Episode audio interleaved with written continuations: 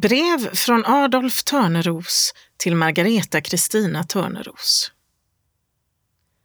Midsommardagen 1828. Min goda mamma. Onsdagen den 11 klockan 8, färdades vi samfällt en sällan befaren och högst besvärlig väg längs Vättern. I början, så länge Närke räckte, var den dräglig nog till Aspa bruk och omgivningarna i stor stil, stora höjder och djupa dälder, skog av alla sorter, branta berg och öppna fjärdar blandade sig till ett präktigt helt. På gränsen av Västergötland, vid en järnhytta Iglebäck, tilltog Tivedens berg i vildhet och snart vore vi invärvda av idel skog och moras. Mitt ibland snåren låg en liten täck plätt, en knaperherrgård, Bocksjö, där en direktör Haj dominerade såsom skogskung. Hos honom spisade vi middag och hörde den första västgötska talas. Därpå fortsattes resan, eller snarare vandringen, allt längre och längre upp på Tiveden, tills vi vid en bondgård Hult uppnått själva åsens högsta ryggrad. Här sågs vildmarken i flera etager, vitt och brett inunder och omkring oss. Trakten såg förhäxad ut och ingen synbar utväg lovade oss befrielse. Endast Kinnekulle låg över vår svarta granskogshorisont långt bort i fjärran, ungefär sju mil ifrån oss, som ett ljust uppstigande töcken och visade en skymt av en gladare värld bortom denna öken. Vid Undernäs kyrka kom vi ned på en slätare terräng. Fem fjärdingsväg därifrån, vid Forsviks herrgård, gömde vi oss just lagom undan ett ymnigt regn som hela eftermiddagen gått och lurat på oss förgäves.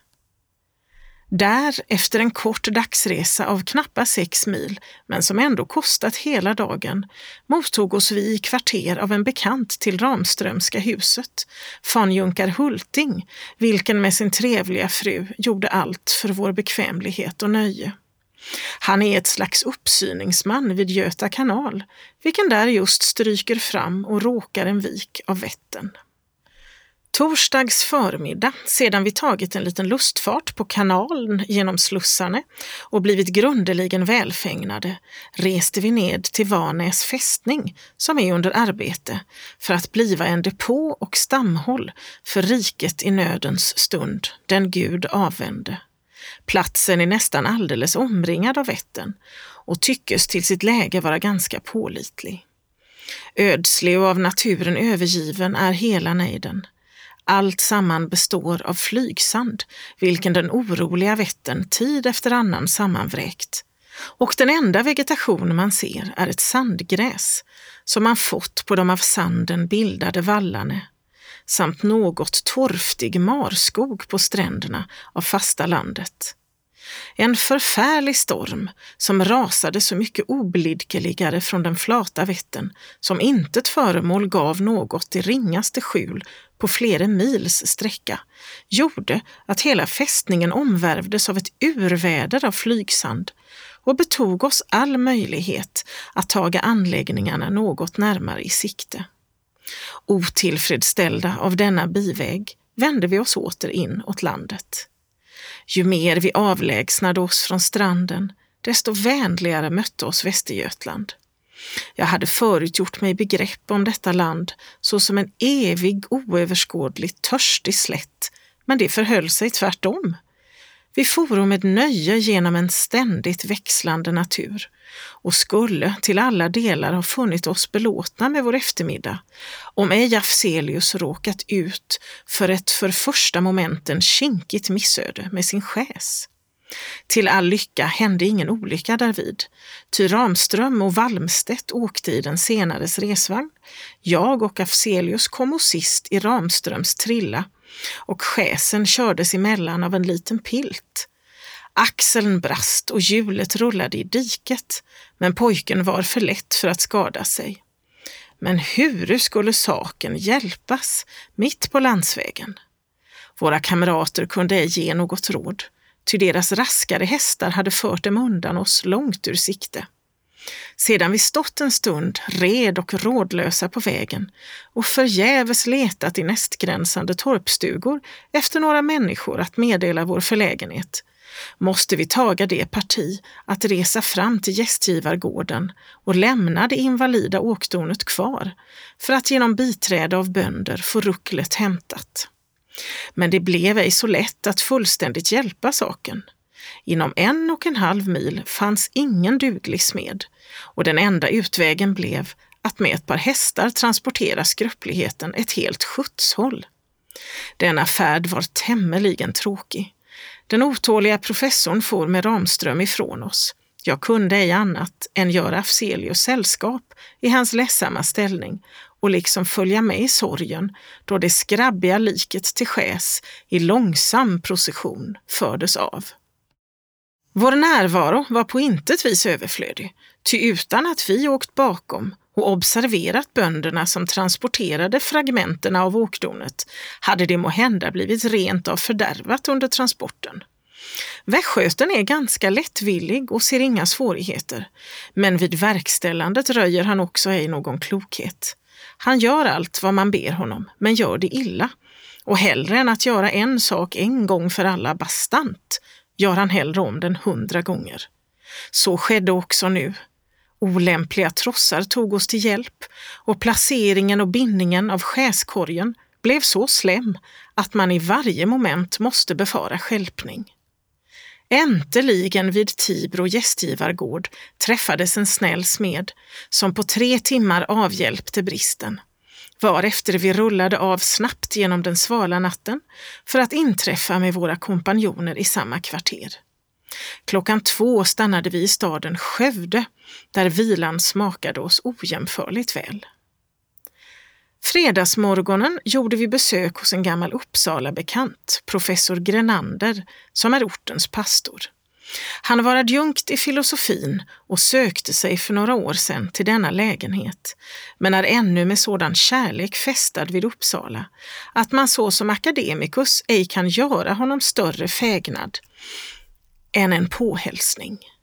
Vi tillbragte hos honom och hans hjärtliga fru nästan hela förmiddagen, språkande om gammalt och nytt som tilldragit sig i Uppsala. Själva Valmstedt, som eljest ej gärna rastar under resor, fann sig så väl vid den trevliga prästgården att han ej var den första som yrkade på avfärd. Även han måste medgiva att man reser angenämare då man får mäta stationerna efter vänliga människor än efter milstolpar och att gästgivargårdarnas ogästfria och kalla mottagande bör så ofta man kan ombytas mot husvärman i en förtrolig familjekrets. Skövde är en pygmé bland städer. Det största däri är gatorna, vilkas bredd giver de få husen ett fritt och glatt skick. Läget är ganska flackt åt ena sidan, men i väster vidtar strax invid tullen den märkvärdiga bergåsen Billingen, vilken stryker rakt fram genom det inre Västergyllen såsom en hög skärm och utmärker sig ifrån det övriga landet genom sin frodigare växtlighet.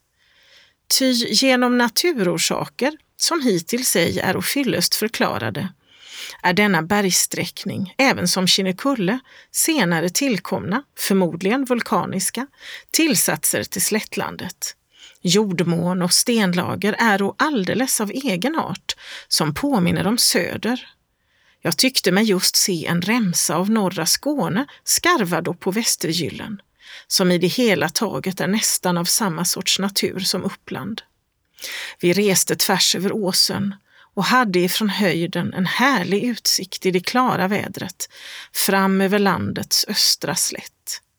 Nedanför Billingen stannade vi en timma vid Vanhems kloster och besåg dess märkvärdiga antika kyrka där flera av svenska konungarna under Sverkerska och Erikska ätten ligga begravda, samt även Birger Jarl.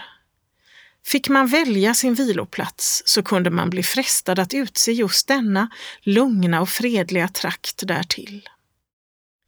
Den höga billingen som kröker sig kring kyrkbyn skyler för alla vresiga nordan och östanvindar och milda blomster skynda att i mängd så sig själva på de nyss igenkastade gravarna.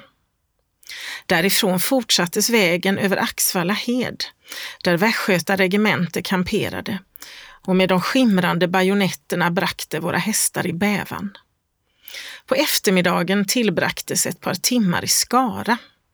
Åtskilliga skolmagistrar och ett par yngre lektorer fingo genast väder av vår lärdom och infunno sig för att såväl vara oss ett gagnande biträde vid domkyrkans beskådande som att genom gästfri enträgenhet göra vår skilsmässa från staden mindre lätt.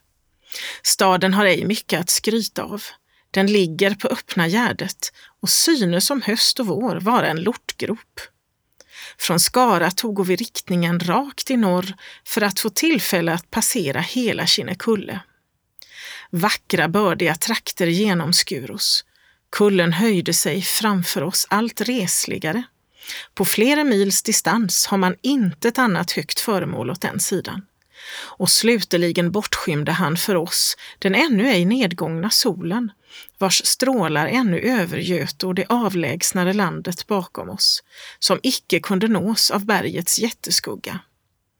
Alltså såg vi den aftonen solen gå ned vid full dag och utan aftonrådna. Dagsresan stannade strax nedanför Kinnekulle på Forshems gästgivaregård, där vi blev ytterst torftigt logerade och undfägnade. Dock måste jag för min del bekänna att jag funnit Västergötlands gästgivargårdar där jag får fram bättre än jag hört dem beskrivas i allmänhet. Nu måste jag åter sluta och gömma resten till nästa vecka, ty vi är just nu segelfärdiga att fara på en slup in till Uddevalla, till Diné hos grosshandlar Engelke.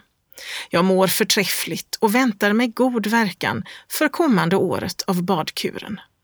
Hälsa vännerna ifrån min mammas Adolf Törneros.